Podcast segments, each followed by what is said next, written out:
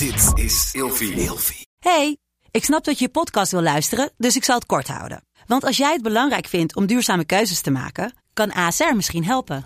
Nou hoor ik je denken, hoe dan? Nou, bijvoorbeeld bij het duurzaam herstellen van schade. Of de premies die we beleggen volgens ons duurzaam beleggingsbeleid. Dat bepaalt waar we wel en juist niet in investeren. Wil je meer weten over welke duurzame keuzes ASR maakt? Ga dan naar asr.nl slash duurzame keuzes. ASR doet het. Zo, dan kan je nu lekker naar je podcast luisteren. Wat leuk dat je luistert naar de podcast Seks, Relaties en Liefdes. De plek waar ik in gesprek ga met mijn gasten over alle onderwerpen waar eigenlijk veel te weinig over gesproken wordt. Dus luister, geniet en laat je vooral inspireren. Welkom bij een nieuwe aflevering van Seks, Relaties en Liefdes. En mijn gesprekspartner voor deze aflevering is Daan Borrel. Welkom. Dankjewel. Hey Daan, jij bent de auteur van een aantal boeken. Mhm. Waaronder het boek dat een van mijn favoriete zinnen als titel draagt. Namelijk eh, Soms is liefde dit. Mhm. En daarnaast heb jij het boek Krabben geschreven met Milou Delen. En het jaar van het nieuwe verhaal. En ik ben eigenlijk wel benieuwd. Wat is het nou dat jou ehm, drijft of motiveert om jouw boeken te schrijven? Eh, ik denk veel dingen, maar het belangrijkste is toch wel altijd dat ik voel van hier zit een, hier zit iets waardoor je niet helemaal kan, eh, waardoor ik mijn eigen eh, lichaam niet helemaal kan ervaren. Dus in mijn eerste boek ging het heel erg over seksuele verlangens. Dus had ik het idee van, volgens mij mag ik niet alles verlangen, omdat ik een vrouw ben. Hoe zit dat nou precies? En bij mijn tweede boek ging het heel erg over de menstruatiecyclus. Eh, dus jaar van nieuw verhaal. En Krabben met Milou ging heel erg over vrouwensolidariteit. Dus daarom zeg ik ook verbinding. Ik denk zeg maar als je dus die seksuele verlangens bijvoorbeeld zelf niet helemaal kan voelen zoals je wil. Of die menstruatiecyclus er niet mag zijn. Dat je uiteindelijk ook niet verbinding met andere mensen kan maken. Dus ik denk dat dat het uiteindelijke doel is. En dat was ook zo bij krabben. Dat we eigenlijk onderzochten van waarom kunnen vrouwen nou niet. Waarom zijn vrouwen niet meer solidair met elkaar? Ja. Dus is er niet meer verbinding? En als je dat dan nog weer hoger trekt, denk ik echt dat we daar veel gezondere mensen van worden. Als er gewoon meer verbinding en intimiteit tussen mensen is. Dus echt niet alleen seks, maar gewoon intimiteit in brede zin. Ja, en, en gebruik je daarbij dus altijd jezelf als eigenlijk als proefpersoon, als persoon die het verhaal ondergaat? Ja, eigenlijk wel. eh, tot nu toe begint het elke keer wel bij mezelf. Dat ik met een vraag zit. En bijvoorbeeld bij mijn eerste boek heb ik wel eerst een reeks eh, echt journalistieke artikelen bij de correspondent gemaakt over hoe kunnen we beter praten over seksualiteit.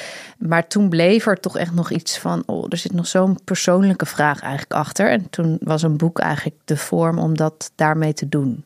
Ja, dat lijkt me heel tof. Aan de andere kant lijkt me het ook wel heel erg spannend. Want wat nou als jouw eigen vragen op een zeker punt gewoon beantwoord zijn en je inspiratie uit andere dingen moet halen? Ja, je bedoelt eh, als, als, als ik klaar ben met me. ja, maar zo komt er elke keer toch wel iets nieuws. Maar ik ben nu wel, ik wil nooit meer een boek schrijven zoals ik, of nooit meer, zeg nooit nooit. Maar eh, ik ga het nu, mijn volgende boek wordt niet in dezelfde eigenlijk persoonlijke essayistische stijl als mijn eerste twee boeken omdat het ook heel vermoeiend is. Want je bent een soort verhaal van jezelf aan het maken. Je maakt er een soort zoektocht van. Dus die moet ook, eh, ja, zeg maar, moeten heel rechtlijnig zijn. Met een soort antwoord aan het eind. En dat is het echte leven natuurlijk helemaal niet. Weet je wel? Je hebt, ja, je hebt soms een zoektocht, ben je ergens mee bezig. En denk je, nou, ik heb dit antwoord. Maar na een tijdje denk je toch weer van, jeetje, het zit toch eigenlijk wel heel anders weer. Dus, ehm, dus dat ga ik denk ik voorlopig even niet meer doen. Maar niet omdat ik denk, er, er, komt, er komt geen inspiratie meer. Maar meer dat ik denk, ik wil meerdere stemmen aan het woord laten. In plaats van alleen Daan Borrel. Ja, maar als je kijkt naar bijvoorbeeld Soms is liefde dit, Hmm. ehm, dan is het natuurlijk niet alleen jouw eigen stem die je aan het woord laat. Nee, dat je is gaat wel waar. de gesprekken met je oma. Ja, dat is zeker waar. Dat, dat zijn natuurlijk stemmen van anderen die je daarin ook laat horen. Ja. Alleen wel in, in hè, jij bent het beginpunt, ja, maar je betrekt daarbij allemaal andere mensen. dat is zeker waar. Maar en dat vond ik ook bij Soms Liefde dit wel heel fijn hoor. Om mijn oma daarbij te betrekken. Omdat je dan...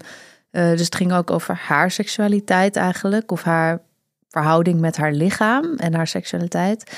Ehm, en dan kan je dat ook heel erg tegen jezelf, tegen dat van jezelf aanhouden. En dan pas leer je misschien ook wat over jezelf als je iemand anders erbij haalt. Ja, in plaats van dat je alleen maar op je eigen pad zit. Precies. Ja. ja. Maar ik denk dat daarom bijvoorbeeld een boekje zoals eh, het lijkt net, eh, ik hou gewoon heel erg van de titel en ik vond het gewoon een heel leuk geschreven boek.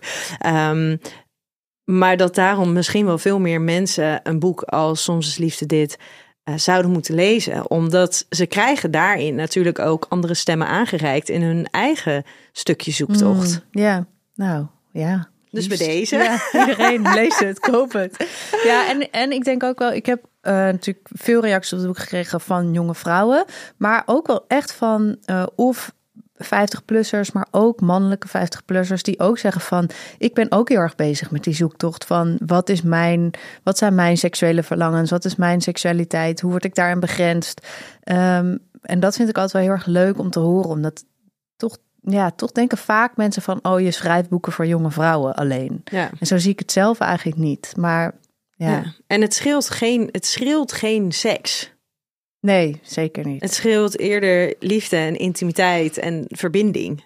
Ja, ik hoop ook wel geilheid. Maar, maar inderdaad, het gaat niet. Er zitten niet alleen maar ehm seksscènes in en zo van naar dat orgasme toe of zo. Of alleen seksueel genot. Het gaat ook wel eigenlijk heel veel over de gevoelens die je hebt bij seks of bij seksuele verlangens.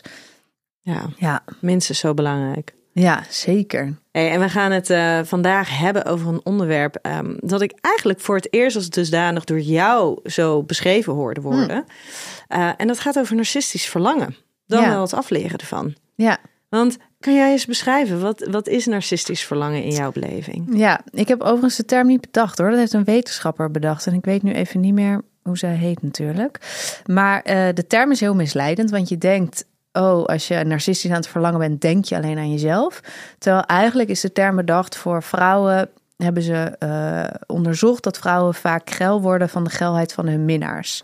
Ehm, dus als ze in bed liggen met iemand, met een bedpartner en seks hebben, dan kijken ze niet naar die bedpartner, maar ze kijken eigenlijk naar zichzelf via een soort helikopterview. Hoe ze erbij liggen, of dat aantrekkelijk is voor de ander, of wat zij doen aantrekkelijk is voor de ander. Dus ze zijn eigenlijk alleen bezig met zichzelf. Hoe lig ik? Hoe doe ik? eh, hoe ruik ik? Hoe eh, zie ik eruit? Ehm, in de hoop dat die ander opgewonden wordt van hun, zodat ze dan ook weer zelf opgewonden worden. Dus dat is denk ik heel verdrietig voor diegene die zelf narcistisch verlangt. Want je bent dus helemaal niet echt in het moment. Je bent niet bezig met wat jij wil van die seks. Of wat, wat jij van die ander wil. Of wat je zelf wil dat die ander bij jou doet. Eh, maar het is ook heel verdrietig voor die bedpartner. Want die wordt eigenlijk ook niet gezien. Die worden eigenlijk een beetje gebruikt. Ja, terwijl ze, ze doen het allemaal voor die, zeg maar, de narcistische verlanger doet het voor die ander. En ik denk wel, als je, als je dit hebt, je kan, je kan het gewoon bij jezelf testen. Als je seks hebt van, met wie ben ik nou eigenlijk bezig? Ehm, maar vaak speelt dat natuurlijk ook door in de rest van je leven. Dus als je op straat loopt, dat je niet letterlijk op straat loopt, maar bezig bent met naar jezelf te kijken van hoe zie ik eruit? Hoe zien anderen mij nu? Zie ik er voor anderen goed uit? In plaats van hoe, hoe vind ik dat ik er zelf goed uitzie? Of hoe voel ik me? Dat lijkt me eigenlijk al een gezondere vraag. Ehm, dus ja, dus het gaat heel erg om dat af te leren. Eh, zeggen veel vrouwen, ik ging ervoor mee naar, met een vrouw naar bed. Heb er seks mee gehad met een vrouw. Omdat het toch ook wel dus een beetje gaat over de, eh, hoe heet dat ook weer? De, de, mes, de masculine gaze? Nee, de gaze. Ja, de mannelijke nou? ja, gaze. gaze. ja. De, de, nou, ik ben even... Masculine gaze. Ja, wel hè. Nou, dat je die eigenlijk, eh, die hebben we allemaal zo, zo vaak gezien. Dus dat een vrouw wordt getoond over hoe ze eruit ziet. Dus eigenlijk alleen maar een soort object is in films en eh, series, reclames. Eh, dat vrouwen zichzelf ook zo zijn gaan zien. Als een soort van wandelend object. En zichzelf dus ook zo bekijken. Ehm, dus, dus het gaat eigenlijk om het afleren van die gaze. Dus dat je niet meer denkt, hoe ben ik geil voor een man? Maar wat vind ik zelf geil? Om Ja. hoe te zijn, om wat te voelen, om wat te doen. Ehm, en er zijn meerdere vrouwen die zeggen, ik heb het, of tenminste wat ik heb gelezen, om het af te leren, is dus eh, een keer met een vrouw naar bed te gaan. Of vaker. Zelfs. ik ben benieuwd uh, wie van de luisteraars zich hierin uh, in herkent. Ja, maar ik denk ook wel, je kan het ook wel uh, afleren door gewoon het heel bewust te gaan, uh, gaan bekijken voor jezelf. Van waar ben ik nou eigenlijk mee bezig? En als ik nou eens echt naar mijn bedpartner ga kijken, wat vind ik sexy aan, aan, deze, aan dit persoon? Wat wil ik met dat lichaam doen? Wat wil ik dat, dat hij of zij of hen met mijn lichaam doet? Ja, behalve wat doe ik voor de ander? Ja, precies. Ja. Hey, daar gaan wij uh, zo nog uitgebreid over verder uh, praten. Ik heb voor jou oh. een fles Bobby's Gin. Wow. Alsjeblieft. Dat je helemaal naar Schiedam bent gekomen. Ja. Oh ja, dat is natuurlijk van Schiedam. Ja. Wat een goede deal. Goed hè? Goed Ja. hè? Ja, en, uh, en heel veel uh, van, uh, van de lekkerste dranken komen uit Schiedam. Wat nog meer dan? Nolet, Ketel 1, Mm. Loopuit, Kuipers, um, Onder de Boompjes. Mm. Allemaal Heel gin. veel. Gin en jenever, ja. Ik heb in een Ja. ver verleden een keer een stuk geschreven over gin. Eh, en ja, over gin. En hoe dat dan kwam uit Engeland. Maar juist nee, eigenlijk uit Nederland. Ja, want Schiedam was een, uh, uh, is altijd een branderstad geweest. En die had 300 distillerijen. Wow. Terwijl we eigenlijk maar een relatief kleine stad zijn. Ja. 300 distillerijen. We hadden 25% van de totale markt in Nederland kwam uit Schiedam. Wow. Omdat je dicht bij een haven. Rotterdam. Ja, dat denk ik. Mm. Dat is een hele goede vraag. Ik zal me er eens in verdiepen. hey, ik um, benoemde net al even dat jij auteur bent van verschillende boeken. Ja. Uh, waarvan het jaar van het nieuwe verhaal ook als luisterboek beschikbaar is op Storytel. Maar wat um, zijn er boeken of is nou een boek dat jou echt heeft geïnspireerd? Nou, ik zat wel een beetje te denken voor mijn eerste boek. Wat daar dan de inspiratie voor was, dat was bijvoorbeeld Vuile Lakens. Dat is ook een... Uh, een podcast en uh, het staat dus ook op Storytel. En daar staan, vind ik, heel veel goede essays in over seksualiteit en over de vraag van hoe vrij zijn we nou eigenlijk. Uh, het is al wel een wat ouder boek, ik denk uit 2018 misschien wel. Ontzettend oud. Ontzettend oud. Of nog, nee, ja. Nou, het voelt voor mij dan toch omdat er in die tussentijd, het was wel een van de eerste boeken. En daarna, we hebben best wel een golf aan boeken over seksualiteit de afgelopen Zeker jaren. in 2020 was niet normaal Ja, wat er toen echt allemaal heel veel. is. En ook echt heel veel goede. Dus eigenlijk toen jij mij vroeg van, wat heeft nou echt je ogen geopend? Ja, ik moest dus aan dat boek denken, omdat daar dus een heel mooi stukje in staat over dat narcistisch verlangen. Dus daarom dacht ik, ik noem die. Ja, maar wat als je het hebt over, over andere boeken, dat je, dat, je, dat, dat je het lastig vond om te kiezen, wat zijn voor jou dan nog meer boeken waarvan je denkt, ja, dat is er eentje om, om te lezen? Mm, nou, ik vond I Love Dick heel mooi van Chris Kraus, een Amerikaanse. Is eigenlijk een, dat is wel een veel ouder boek, volgens mij uit de jaren tachtig. Uh, en eigenlijk omdat dat, daar zit ook al theorie in, denk ik, over seksualiteit en gender. Maar heel erg geschreven in eigenlijk een romanvorm. En daar hou, dat probeer ik zelf eigenlijk ook te doen. Dus wel uh, het journalistieke werk, dus onderzoek te doen. En vervolgens, hoe maak ik hier toch een lekker leesbaar verhaal van? Uh, zodat je helemaal meegaat. Dus eigenlijk die drama een beetje opzoekt. Um, even denken hoor. Um, ik ben nu trouwens ook een heel mooi boek aan het lezen. En dat heet The Transition Baby. Over een relatie tussen twee transvrouwen. Dus die zijn in transitie gegaan van man naar vrouw. En die gaan op een gegeven moment uit elkaar, omdat die ene transvrouw weer terug in transitie gaat naar een man. En die krijgt dan een relatie met een cisvrouw, die wordt zwanger. En dan gaan ze met z'n drieën dat kind, of ze besluiten, ik weet nog niet of ze het echt gaan doen, maar ze zitten nu. Daar te, ben je nog niet. Daar ben ik nog niet. Te bepalen van gaan we nou um, dat doen. Dus dat vind ik een heel leuk boek. Uh, ja, oh, ik lees zoveel dat ik het dan nu bijna niet weet. Ken je dat? Ik heb wel heel veel eigenlijk um, uh, meer buitenlandse schrijfsters die ik vaak lees. Ja, want heb jij dan ook dat je, um, omdat je zelf ook boeken schrijft, heb je dan ook dat je anders naar boeken leest of luistert? Um, ja, dat, ik kan dat natuurlijk niet echt vergelijken, omdat ik heb literatuurwetenschap gestudeerd, dus ik heb denk ik altijd al met een bepaalde blik. Ik kan soms wel heel jaloers zijn als ik iets lees wat echt heel goed is. Dat je denkt, ja, hier kom ik dus nooit overheen. Um, en ik kan ook wel heel erg lezen met van. En daarom vind ik het ook fijn om bijvoorbeeld in het Engels te lezen.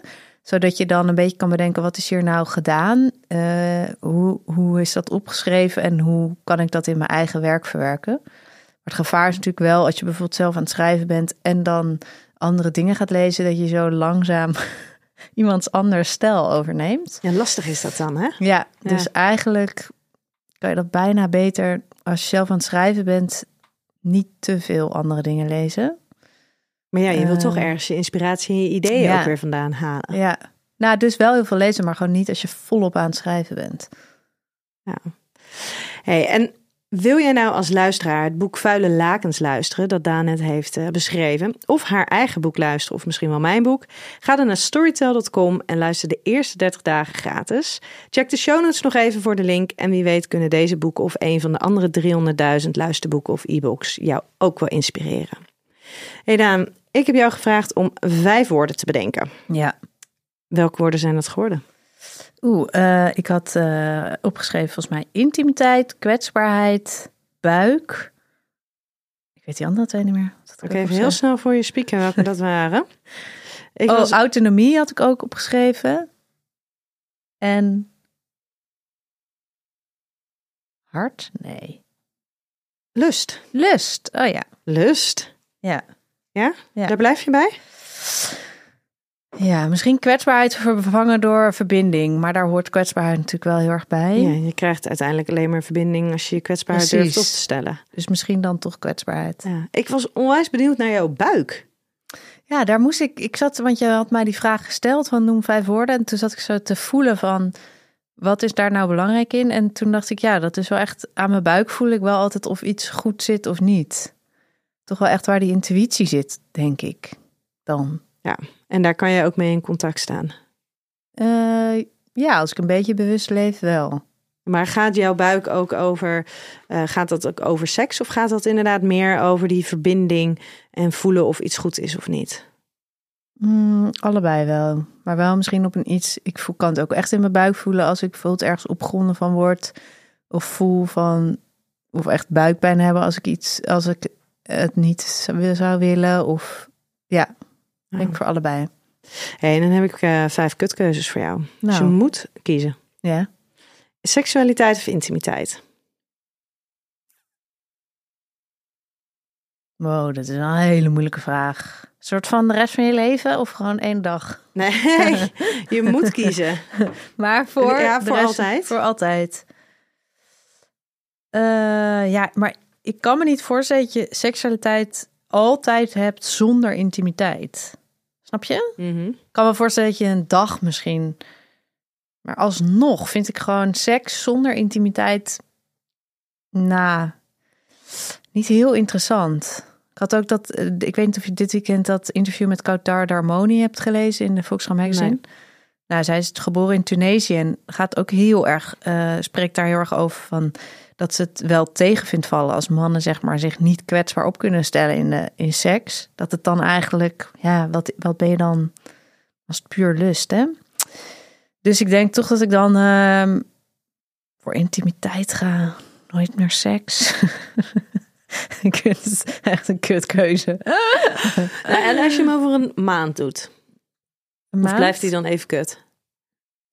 Nou, ik moet meteen denken aan, je hebt een, um, een Taoïstisch uh, experiment eigenlijk. Dat heet de Zeven Sluiers. En dan uh, ga je met een nieuwe lover of met je lover die je al hebt, ga je eigenlijk de seksualiteit opbouwen of de intimiteit opbouwen zoals je als een, nou niet zoals een klein kind zou doen, maar wel niet meteen met elkaar naar bed eigenlijk.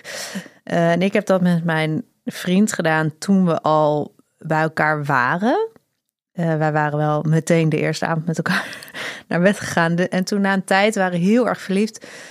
Bijna een beetje zo over dat je denkt van, oh, het is bijna te veel of zo. En toen zeiden we laten dat experiment eens gaan doen. Dus dan ga je helemaal terug en dan ga je dus in het begin alleen oogcontact, handen aanraken. En dan echt de stappen zijn, we, zitten twee weken tussen elke keer. Dus mhm. je gaat ook lang niet met elkaar slapen. Um, en wat mij daaraan opviel, was dat het gewoon dat ik eigenlijk heel snel dingen oploste met seks of met kussen. Of terwijl als je dat dan niet doet, hoe intiem dat dan is en ook hoe kwetsbaar en spannend en weet ik het allemaal. Terwijl dat, daar word je dus uiteindelijk heel erg geil van. Want je stelt het gewoon heel erg uit. Je bent Mhm. heel erg naar het kijken naar de ander. En de ander kijkt echt naar jou. Terwijl als je meteen elkaar gaat kussen, dan ben je natuurlijk... Dan heb je je ogen meestal alweer dicht. Dus je bent dan niet meer daar echt naar aan het kijken. Ehm, dus voor een maand, dan zou ik gewoon die intimiteit doen. Dan ga ik die, ga ik die sluiers wel weer eh, oppakken. Ja, maar dat is tegelijkertijd is dat onwijs sexy en, en opwindend. Ja, maar Dus wel... dan ben je toch ook wel weer met seksualiteit bezig. Ja, maar je, je zegt, hebt wel echt tegen jezelf gezegd, dat gaan we niet doen. Dus je stelt het wel uit. Maar Ik uiteindelijk, voel een kleine ja, maar. ja, want- uiteindelijk, na die maand, ga je inderdaad naar seks doen. Maar dat is niet je bedoeling. Ik bedoel, ik kan me ook... Nee, dat was niet jouw bedoeling. Met die sluiers? Ja? Nee, nee, echt niet. En dat zou ook niet de bedoeling zijn nu, als je het nog een keer zou doen. Om Nee, weer want ik denk dat het- hoeveelheid van opwinding te Nee, nee, nee, ervaren. nee, want ik denk juist, het is ook best wel eng. Want voor ons was het ook zoiets. Het kan ook dat we dit doen en dat we erachter komen dat we elkaar eigenlijk alleen heel erg aantrekkelijk vinden. En seks met elkaar, maar eigenlijk voor de rest niks. Dus dat is natuurlijk wel ook het gevaar. Als je dit gaat doen in je relatie, dat je echt denkt, ja, Ja, of dat het niet hebben van seks dusdanig comfortabel is. ja dat je denkt, dat je daar laat weer het zo. Ja.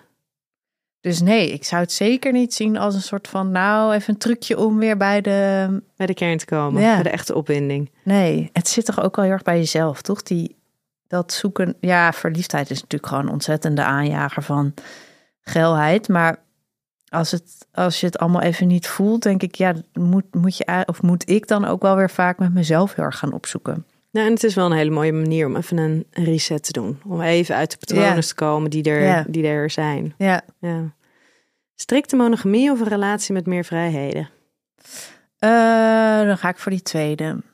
Ik ben wel heel erg voor dat relaties, of ik merk zelf dat het heel dynamisch is. Dus ene periode, ik heb bijvoorbeeld een kind gekregen een jaar, bijna een jaar geleden.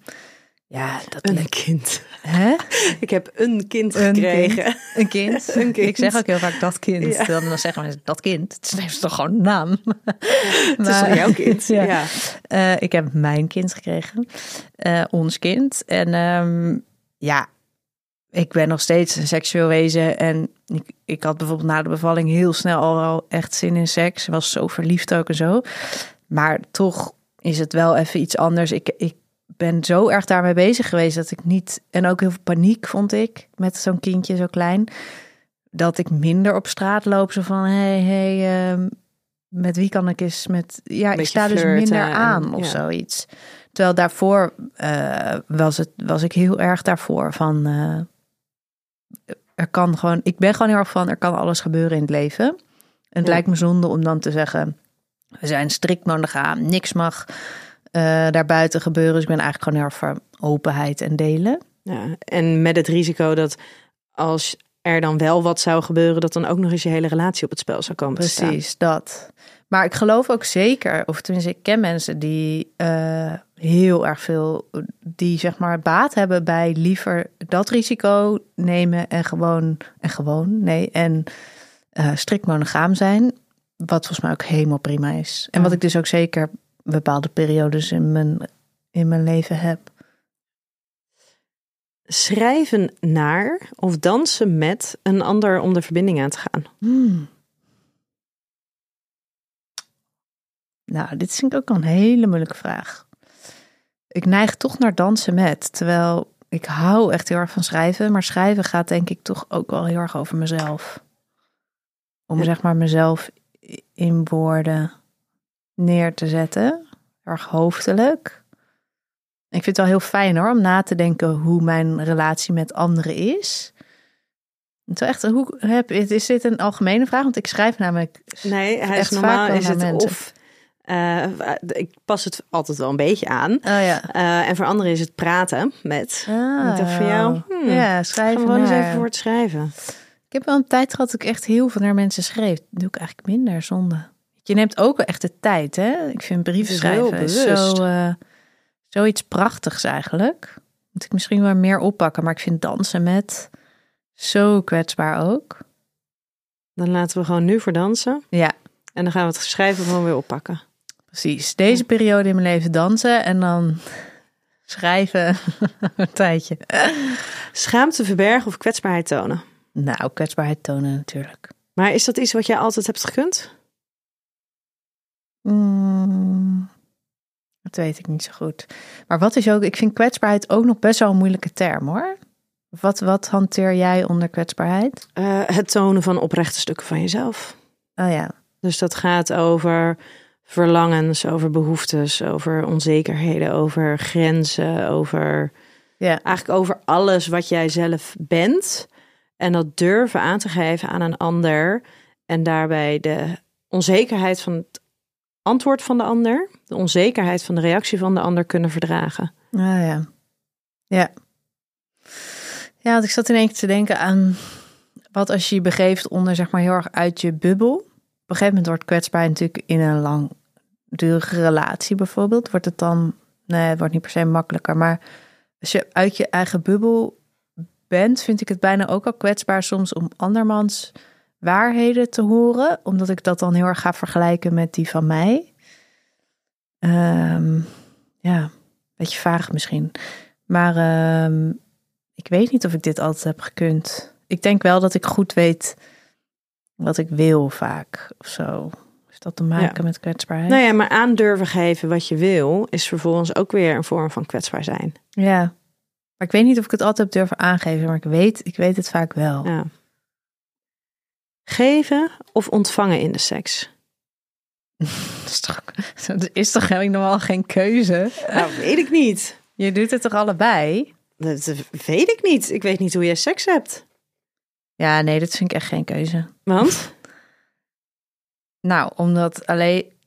Ja, soms is er misschien wel een keer dat je denkt van ik geef alleen of ik ontvang alleen. Maar over het algemeen vind ik dat wel echt... Lijkt me heel erg saai als alleen maar het ene zou zijn. Ja, maar... Weet je wat ik nou eigenlijk interessant vind? Dat ook in, hoe heet ook weer die um, Circle of Consent? Mhm. Nee, van Betty Martin of Martin Betty. Uh, dat ze dan heeft, uh, want ik dacht ook altijd, je hebt dus alleen geven en ontvangen, maar dat je dan ook hebt toestaan of uh, toestaan en. Ja, dan ben ik die laatste vergeten.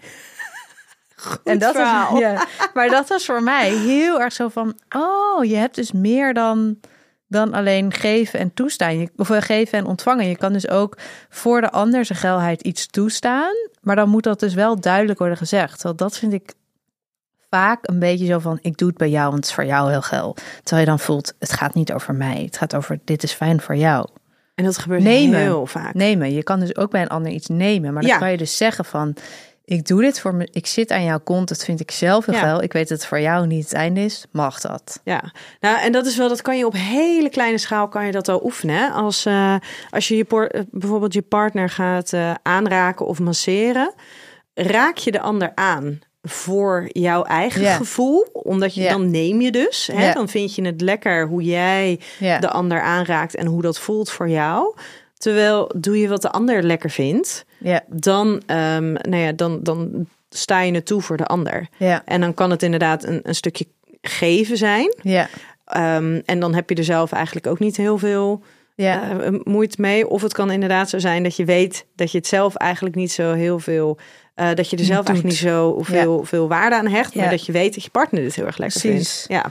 En dat vond ik was voor mij echt een wheel of Het Het was voor mij echt zo van, oh, dus dat heb je ook nog allemaal. En ik was, denk ik, voelde dan vaak wel van, je doet net of ik nu iets mag ontvangen, dat dit voor mij heel leuk is, maar het is eigenlijk een nemen voor jou. En eigenlijk dat nemen zelf. Want als je dat weet, dan denk je ook, tuurlijk sta ik het voor jou toe. Want ik vind het heel leuk als jij dit kan hebben, maar laten we dan niet doen alsof het voor mij heel erg eh geil is. Nee. En tegelijkertijd durf je te nemen. Ik bedoel, dat is echt wel een spannend iets om te doen. En dat is dus Spannender waarom... dan geven, denk ik. Ja, en dat is waarom heel veel mensen eh, bijvoorbeeld eh, elementen van BDSM zo fijn vinden. Omdat daar die rolverdelingen zo ontzettend duidelijk zijn. En in eigenlijk in, als het ware tussen aanhalingstekens, gewone seks. Raken mensen heel vaak verdwaald in: hey, Ja. welke rol neem ik nu aan? Moet ik nu inderdaad geven? Mag ik nemen? Eh, is het ontvangen? Wat, wat is het wat ik aan het doen ben? En hoeveel heb ik waarvan al gehad? Ja, Ja, dus ik denk echt dat we daar wel van kunnen leren. Ik kan ook heel erg in de knoop raken met seks. Dat ik dan zo denk, is het echt wat ik wil? Is het echt wat ik wil? Weet je wel? Uh, een beetje gaat overanalyseren. Ja. ja. Terwijl misschien als je iets duidelijker hebt... Ja, het is natuurlijk ook lastig omdat je vaak niet te heet zo zegt van... Nou, nu ga ik jou even uh, iets toestaan. Of nu ga ik even iets geven. Maar alleen al volgens mij dat daar vaak mee bezig zijn in je hoofd... Um, maakt dat het wel duidelijker. Dus wat kies ik? Geven of ontvangen? Nee, ik maak gewoon geen keuze. nou ja, misschien kunnen we dan als we overgaan, uh, doorgaan naar de stellingen. Ja. Um, want ik heb deze natuurlijk niet er voor niks uh, bij gedaan. Namelijk ook op basis van je eigen woorden. Uh, en dan gaan we de eerste stelling gewoon eventjes doen. Nou. Namelijk, vrouwen zijn te veel afhankelijk van een ander in hun seksualiteit. We zijn te veel afhankelijk van een ander? Mm -hmm. Nou, ik denk, één fout die ik heb gemaakt in mijn denken is dat ik uh, heel erg autonoom alleen maar ben en niet zo afhankelijk. Dus ik zou zeggen, nu in dit nieuwe punt in mijn leven, zou ik zeggen, je mag ook afhankelijk zijn van een ander. Er staat, er staat zijn te, te veel, veel. Hè? te veel. Uh, nou, ik denk wel dat veel vrouwen, veel mensen, maar ik denk de neiging toch nog wel van meer vrouwen is dat ze inderdaad denken dat ze een ander nodig hebben om te voelen dat ze aantrekkelijk zijn uh, of dat ze. Um, maar afhankelijk kan je natuurlijk in seks op meerdere manieren interpreteren. Zo van: ik heb een ander nodig, ik kan het niet zelf bereiken. Bedoel je dat? Um, nou ja, ik denk eer, het, eerder hetgene wat je hiervoor zei, namelijk dat we te veel op een ander nodig hebben. Ja. Om ons dan wel bevestiging te geven in onze seksualiteit dan wel om ervoor te zorgen um, dat we überhaupt opgewonden raken. Ja. En dat was ook een beetje koppeling met het stukje uh, de, de, de keuze geven of, of ontvangen in de seks. Waarbij jij dus aangaf um, dat vrouwen heel erg de neiging hebben om, nou ja, om te ontvangen ja. of te ondergaan. Ja. In plaats van juist actief deel ja. te nemen, actief te geven. Ja. En dat ze dan eigenlijk veel vaker in contact komen met hun eigen verlangens, hun eigen behoeften, hun eigen opwinding. Ja. Um, dan wanneer ze het dus, nou ja, wanneer ze meer in de Afwachtend. ontvangende, afwachtende, afhankelijke positie gaan. Ja, dat is zeker waar. En ik denk, ik bedoel, het is natuurlijk echt niet vrouw eigen of zo dat je hiermee wordt geboren. Maar traditioneel gezien is al zoveel eeuwen de vrouw staat seks, is seksueel passief, man actief. Maar ik herken dit ook nog gewoon in mijn. Ik merk gewoon in mijn seksleven, zodra ik zeg maar inderdaad meer aan het begin afwachtend ben, kan ik zo heel erg in mijn hoofd raken van wil ik dit, ben ik wel, heb ik al zin in seks, bla bla. Terwijl als ik gewoon ga geven en ga kijken naar, nou, naar het lichaam van mijn vriend, dan word ik gewoon heel erg opgewonden. En dan vind ik het gewoon heel erg leuk. En dan denk ik, oh, ik ga bij hem. En dan kom ik in die, zeg maar, in die flow waar je dan graag in wil komen, waar meestal niet meteen alle minuut in zit. Um, dus dat gun ik eigenlijk wel echt iedereen toe. Um, maar ik vind het moeilijk om te bedenken hoe mannen daarin zitten. Maar ik bedoel, voor vrouwen is hier dus net als met dat narcistisch verlangen, dat gaat hier natuurlijk ook over. Dus ik, ik hoop wel heel erg, ik hoop wel echt in de toekomst dat vrouwen of mensen dat daar minder afhankelijk van zijn. Ja.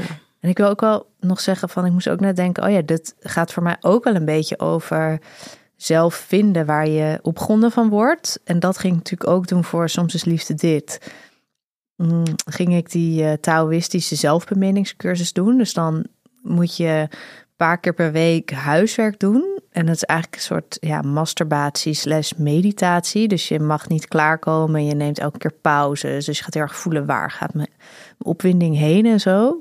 En dat was voor mij ook wel echt een eye-opener. Dat ik dacht, oh ja, ik heb hiervoor gewoon altijd zitten masturberen. Heel erg met als doel om klaar te komen. En uh, ontlading, even, uh, weet je, heel gespannen alles zo aankampen. Oh, dus zo kijk jij als je klaar komt. Precies. jij weet gewoon, dit gaat ze uitknippen. um, uh, wat wil ik zeggen? Ja, en, en als je echt je eigen lijf gaat beminnen, zoals je eigenlijk wil dat een ander bij je doet, maar natuurlijk heel vaak ook niet gebeurt omdat die ander helemaal niet weet hoe jij dat het liefste wil. Ja, dat is voor mij wel heel erg belangrijk geweest in mijn seksuele seksualiteit. Om dat zelf te ontdekken. Nou, dan gaan we daar in de volgende stelling. Mhm. Namelijk, eigenlijk moeten mannen dan Ja. wel gewoon mensen nog net zoveel over seksualiteit leren als vrouwen. Ja, denk ik zeker. Want je benoemde net al inderdaad dat, ehm, ja, dat je niet weet hoe mannen dit dan ervaren. Ja. Ik denk dat als je het de meeste mannen vraagt, dat ze geen flauw benul hebben. Over hunzelf of over een ander? Beide. Ja. Ik denk ook, en dat gaat ook heel erg over die kwetsbaarheid, toch? Dat we dat niet, dat we dat echt wel meer kunnen zijn. Maar seksuele voorlichting is echt voor iedereen nodig. Misschien wel iets meer op maat gemaakt. Dus, eh, ik bedoel, mannen nog steeds moeten ze altijd hard zijn en stoer en eh, lekker pompen. en de vrouw moet inderdaad maar afwachten. Eh, dus ik denk, ja, nee, daar, iedereen moet seksuele voorlichting meer hebben. Ja, en daarmee ook gewoon veel Onze meer leren kopen. over, over de eigen seksualiteit. Ja, zeker. Ja. Vrouwen zijn in de kern narcistische wezens, omdat ze opgewonden raken van een ander die opgewonden raakt van hen. Nee, dat zijn ze natuurlijk niet in de kern. Dat hebben ze aangeleerd. Ja? Ja, Maar wie leert, hoe wordt dat dan aangeleerd in jouw beleving? Is het dan letterlijk dat iemand zegt, dit is hoe het werkt? nou, dat is echt heel erg die male gaze. Dus daar heeft bijvoorbeeld John Berger echt al, ik denk in de jaren zestig of zo, een programma over gemaakt. Hij is een kunsthistoricus. Eh, en dat programma heet The Ways of Seeing. Dat kan je nog terugvinden op YouTube. En dan zie je, gaat hij bijvoorbeeld alle schilderijen analyseren. En dan zie je dat alle vrouwen worden eigenlijk altijd alleen maar vrouwen bijna geportretteerd. Eh, zeg maar in niet portretten, maar eh, op, hoe zeg je dat, bewegende schilderijen. Gewoon mensen die dingen aan het doen zijn. Zijn ze vaak naakt. Ze kijken niet naar de, niet naar de kijker toe, maar net erlangs, maar wel dat je hun kan zien. Dus ze zijn eigenlijk passief, maar wel, ze staan ze wel, worden bekeken. ze worden bekeken, inderdaad. Ehm, ze worden bekeken, ze zijn vaak naakt. Ehm, en hij laat eigenlijk zien dat dat was toen al, was toen al de rol. Zeg maar, zo is reclame en films zijn overgegaan op die beelden van die schilderijen. En vaak is de maker een man. Dus er wordt met een mannelijke blik gekeken naar hoe wil ik een vrouw eigenlijk het liefst zien. Nou, dus eh, je ziet er eigenlijk daar op dat schilderijtje ook een beetje, zit ik nu te denken. Eh, ze is naakt, ze is een beetje. Ze vindt het wel goed, maar ze is niet echt aanwezig. Het is eigenlijk best wel een beetje verdrietig eh, als, je het zo, als je het zo hoort. En ik denk dat dat hebben we gewoon overgenomen in alle media die we nog steeds hebben. En natuurlijk zijn er tegenwoordig steeds meer vrouwelijke makers. Dus er wordt er steeds meer een andere female gaze wordt er ontwikkeld. Die veel meer gaat over wat voelt een vrouw eigenlijk in plaats van hoe ziet ze eruit. Ja, en wie is ze? En wie is ze? Ehm, en wat, wat kan ze allemaal? Ehm, maar ik denk wel, dat zijn we dus niet in de kern. Dus door elke keer dat beeld van een vrouw, als je een vrouw bent, en je ziet elke keer dat beeld bevestigd van, oh, het gaat erover hoe ik eruit zie. Dus als dat maar goed is, want dan vinden mensen mij leuk. ehm, dat je dat dan wel op die manier aanleert, ja. Maar dat vind ik dan toch zo bijzonder, hè? Want, ehm, nou ja, de seksuele voorlichting die, die er is, die is eh, niet heel toereikend. Laat staan dat dit specifieke stukje daarin besproken wordt. En ik begrijp dan wel het stukje ehm, van hè, dat we inderdaad heel veel zien met zo'n male gaze. Dat we, Mm. eh, als je op straat loopt, dat je dan inderdaad als vrouw vaak bewust bent van... hey, hoe, hoe ziet een ander mij? Hoe word ik gezien door mannen? Mm. En die snap ik wel. Maar als je dan kijkt binnen de seks en het feit dat jij als vrouw daadwerkelijk opwinding ervaart, gewoon opgewonden raakt van het feit dat de ander opgewonden raakt van jou, is dat dan wel echt, heeft dat dan wel echt met die female gaze te maken? Of zit daar dus ook gewoon een, nou ja, een, een, een stukje in dat seksuele systeem, Mm. wat het gewoon, wat, wat gewoon reageert gewoon met opwinding op de opwinding van een. Oh, maar dat denk Ander. ik zeker. Want ik, is- dat ik denk dat ieder mens raakt opgewonden als je iets gelds voor de ander doet en die ander raakt daar opgewonden van. Want het is, is- aantrekkelijk. Want het is natuurlijk ook wel eens zo dat als je, eh, een, eh, als je een beetje met, de, met, met die mindset ook bijvoorbeeld een pornofilm kijkt. Of ehm, er wordt gesext en je hoort, je ziet het bijvoorbeeld niet en je hoort alleen de geluiden. Dat die opgewonden. opwindingsgeluiden jou Ja. kunnen opwinden. Ja, Als er een setting is waarbij er verschillende mensen zijn die seks hebben, hoor je ook wel eens van ja, maar juist het feit dat die anderen dus seks hebben, dat wint mij op. De opwinding van een ander wint mij, mij op. op. Ja. Dus is het dan altijd in de context van narcistisch verlangen? Of is dat dan ook gewoon een stukje in dat seksuele systeem wat opgewonden kan raken van opwinding van anderen? Ja, nou, ik denk dat je helemaal gelijk hebt. Dat is echt een deel eh, gewoon van hoe we opgewonden raken. Daarom kijken veel mensen ook porno, geloof ik. Maar het gaat er dus echt Geloof over. ik. het gaat er dus echt over dat eh, als je alleen maar opgewonden raakt omdat een ander opgewonden wordt en jij daar altijd in die passieve rol zit. Want ik denk, als jij inderdaad, zoals ik aan het begin zei, als ik iets doe bij een ander in seks, haalt me dat meer uit mijn hoofd en meer in mijn lichaam. Eh, en ben ik minder bezig van hoe zie ik eruit. Maar als je altijd de passieve partij bent, die dus afwachtend aan het bedenken is, aan het voelen is van, wordt die ander hier opgewonden van? Dan heb je het over narcistisch verlangen. Ja, dus dat is het verschil tussen en in de passieve modus zitten en dus pas überhaupt een beetje daarop op reageren met opwinding als je merkt Ja. dat de ander van jou Ja. opgewonden raakt. En, je daar- dus daar ook heel erg naar gedraagt. Hè? Precies, dus daar heel erg mee bewust van bent. Dat is een hele andere situatie dan opgewonden raken van de opwinding van een Ja. ander. En wanneer je in een actieve rol bent en niet zo bewust bent van jezelf. Mm. Ehm, volgende. Een narcistisch verlangen is een makkelijke manier van verlangen en wekt de indruk dat je in je contact staat met je eigen seksualiteit.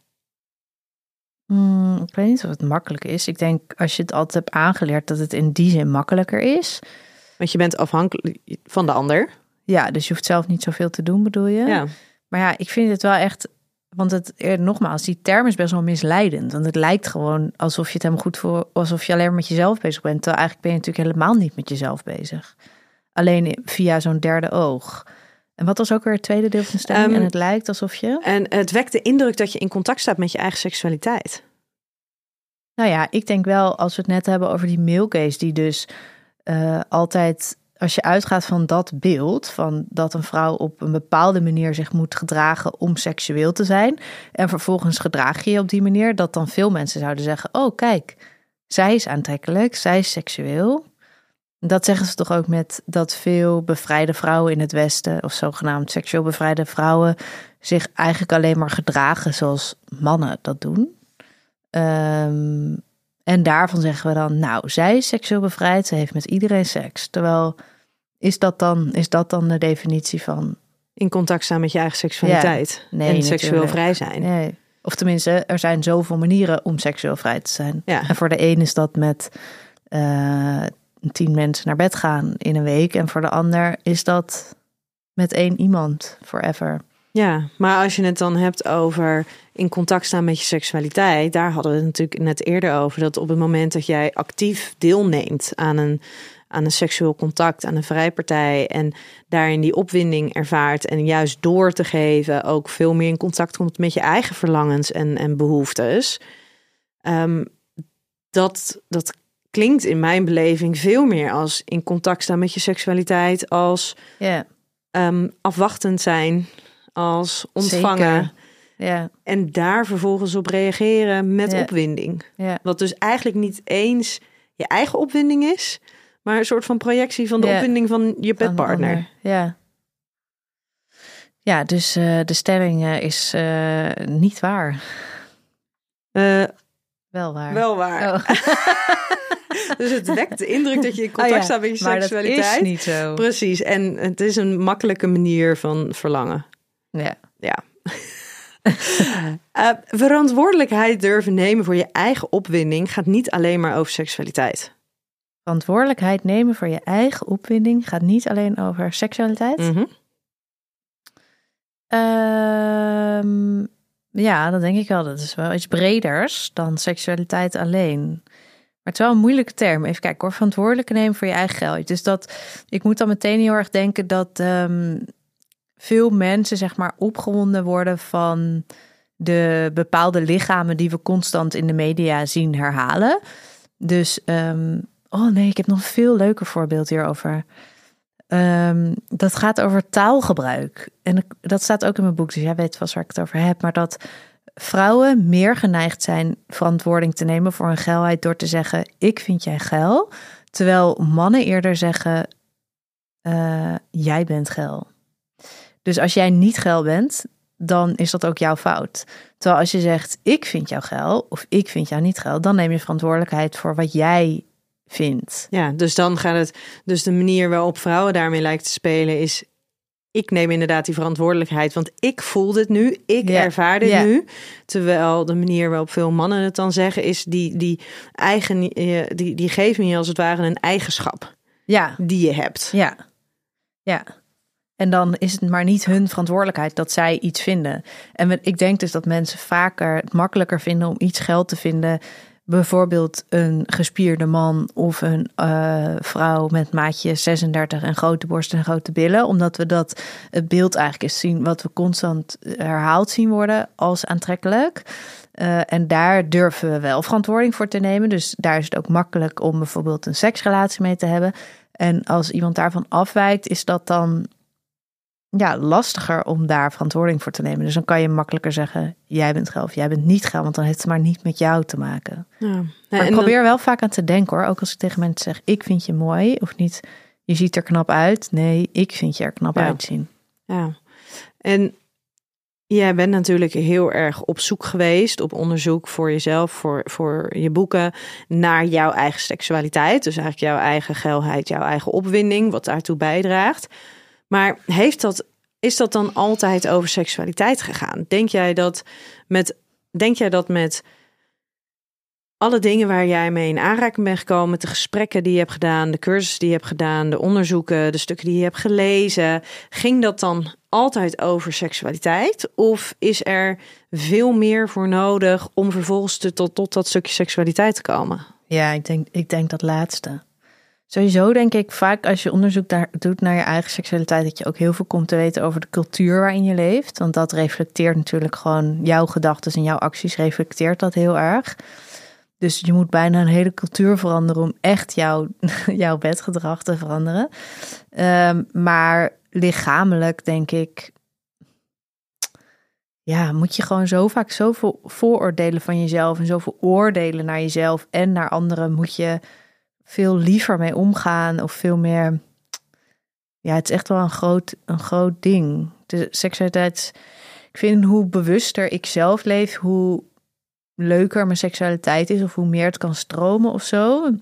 Dus het heeft allemaal wel met elkaar te maken. En eh, ruimte te nemen voor mezelf in heel veel dingen die ik leuk vind of fijn vind. Eh, maar ik weet niet ja, of dat voor iedereen zo geldt of alleen voor mij. Ja, want niet, je bent niet continu alleen maar met seks bezig. Nee, Alleen niet. heel veel van de dingen die je doet, hebben wel een impact op jouw seksualiteit. Ja, maar het blijft wel. Ik vind, dit, ik vind seksualiteit dus zo'n interessant onderwerp. En daarin vraag ik me wel vaak af van. Wat is dat dan precies? Weet je wel? Ook net vanochtend was ik met een vriend koffie drinken om te praten over een project. En toen hadden we het ook weer over onze, allebei onze seksualiteit. En dan ja, vind ik dat wel echt altijd weer heel interessant om te horen hoe andere mensen dat doen. Dus er zit, ik weet niet of dat dan is omdat we toch, omdat we er toch nog niet altijd heel erg open over praten met iedereen.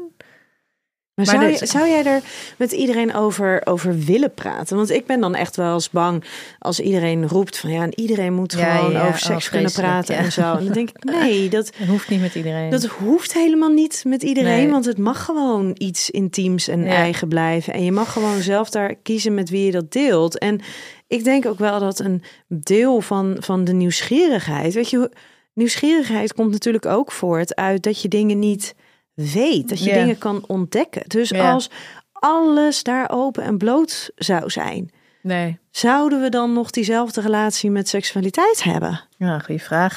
Dat is toch ook zo dat ze zien dat jongeren eigenlijk steeds minder seks hebben, omdat het er zoveel al is om, ze, om hun heen. Maar dat is wel een bepaald soort type seks, denk ik. Ja, en misschien vind ik het ook wel alleen leuk om van vrienden te horen die. Dat je dan ook een beetje kan zien hoe reflecteert het hun, hunzelf of zo, of hun andere zoektochten. Of Nou, en ik, ik vind het ook altijd wel mooi dat. Weet je, ik ben natuurlijk met mijn werk heel veel over seks bezig, maar ik zet mezelf dan wat minder in als onderzoeksobject binnen mijn werk. Ehm, en ik vind het dan ook wel heel mooi dat als je dus met andere mensen over seksualiteit praat, de mate van kwetsbaarheid die ze daarin durven te tonen, ehm, de dingen waar ze zich wat, nou ja, wat onprettig bij voelen of wat ongemakkelijk om dat te delen, of de dingen waar ze juist heel, nou ja, wat, wat voor hun juist zo vanzelfsprekend is. Ik vind dat zo mooi om te horen, een soort van zo verfrissend of zo, want iedereen kleurt seks dus op zijn eigen manier. Nou ja, en dat vind ik altijd wel heel fijn aan die gesprekken daarover. En ook aan mensen die dus eerlijk durven te vertellen. En dat je dan voelt zo van, oh, het is voor iedereen anders. Dus ik kan eigenlijk net zo goed precies doen hoe ik het wil. Ja. En met degene met wie ik seks heb, de mensen. Uh, in plaats van dat ik iets ga nadoen. Er, is natuurlijk wel, er zijn natuurlijk wel heel bepaalde normen en waarden, soort van zo moet je doen. Ja, die zijn er ook, maar dat is natuurlijk ook Ehm, als je kijkt met een heleboel andere uh, dingen in het leven, heb je zoveel mogelijkheden om af te kijken bij anderen. Om te kijken hoe zij het doen, om daarvan te leren, om, om je eigen ideeën daarvan bij te stellen, om je eigen normen en waarden te bepalen op basis van, van input die je krijgt. En dat is natuurlijk met seks is dat heel anders. Tenzij je inderdaad er zo intensief mee bezig bent, zoals dat wij dat mogen zijn, kunnen zijn. Maar heel, voor heel veel andere mensen is dat natuurlijk helemaal niet zo. Ja. Dus op het moment dat je dan de gelegenheid krijgt om erover te lezen of in een gesprek te zijn, ja, dan is dat bij uitstek ook de manier om voor jezelf ook nieuwe informatie te, te, te, krijgen, om ervan te leren. Ja. En wat ik daar zo'n eigenlijk een heel gaaf idee vind, is dat wat wij nu weten over seks is iets heel anders, een heel ander beeld dan dat dat 30 jaar geleden daar was. En seksualiteit, seksologie is zo'n nieuw vakgebied. Hmm. Weet je, wat, wat weten we, wat denken we, ervaren we over 10 jaar? Ja. En over 20 jaar en over 30 jaar. Maar denk je dat die kwetsbaarheid op een gegeven moment dan. Want het is toch wel gek dat het uh, seks bespreken is dus veel kwetsbaarder voor de meeste mensen dan bijvoorbeeld wat doe je precies voor werk. Terwijl dat kan ik ook kwetsbaar vinden hoor. Dat mensen dan denken, hm, mhm. waarom doe je dat precies? Of precies te doen wat jij wil. Um, maar denk je dat dat ooit verdwijnt? Of snel in de toekomst? Nou, weet ik niet. Dat, dat, um...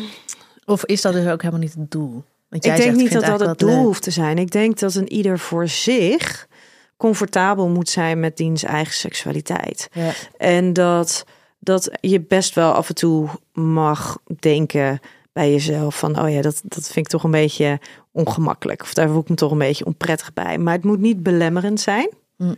En als je het hebt over, over kwetsbaarheid en daarover kunnen praten, ja, maar dan moet je dus niet eens zozeer het gaan hebben over, hey, we moeten over seks praten, maar dan moet je nog stappen daarvoor. hey, we moeten met z'n allen, want heel veel mensen zijn er echt belabberd slecht in, we moeten ze met z'n allen leren kwetsbaarder te zijn. En wat is dat dan? Ja, precies. En hoe zorg je ervoor dat je jezelf kwetsbaarder kan opstellen zonder grensoverschrijdend te worden? Voor jezelf of voor een ander. En op het moment dat je daar alle skills in hebt, dat je daar vaardig in bent, dat jij ook daarmee stevig genoeg in je eigen schoenen staat om kwetsbaar te kunnen zijn en een onverwachte, onprettige reactie van een ander te kunnen incasseren, dan kunnen we gaan kijken, oké, hoe kunnen we seks hierin gaan vlechten? Ja. Maar moet jij dan niet een heel andere podcast beginnen? Um, weet ik niet. Want wat heb je in gedachten? Nou, misschien de kwetsbaarheid podcast of zo. Nou, als ja, het ik, over iets breders gaat. Um, nee, Bre uh, Brene Brown die doet daar natuurlijk heel veel Oh, ja. over, over kwetsbaarheid. Um, maar ik heb wel in, in mijn uh, nieuwe boek, dat gaat natuurlijk over, over schaamte en seksualiteit, gaat dat ook voor een heel groot deel over kwetsbaarheid. En inderdaad, voordat je die schaamte voorbij kwam, moet je dus leren om kwetsbaar te zijn. Mhm. Want hoe overkom je schaamte? Ja, door wat empathischer naar jezelf te zijn, maar ook door het gesprek aan te gaan met anderen, zodat je hoort dat je niet de enige bent. Ja, En om dat te kunnen, ja, moet je dus weer kwetsbaar durven zijn. ja. hey Daan, wij moeten hem ehm, gaan afronden. Eh, ik vind het heel leuk dat wij eindelijk ook eh, in het Ja. echt eventjes zo eh, dit hebben kunnen bespreken. Want in mijn beleving is dit dus ook, soms is liefde dit. Mm. Mocht je nou als luisteraar van deze podcast het boek dat Daan heeft gelezen of mijn boek willen luisteren, dan kan dat dan dus nu de eerste 30 dagen gratis via storytel.com slash Nienke of check de show notes even. Lieve luisteraar, tot volgende week bij een nieuwe aflevering van Seks, Relaties en Liefdes.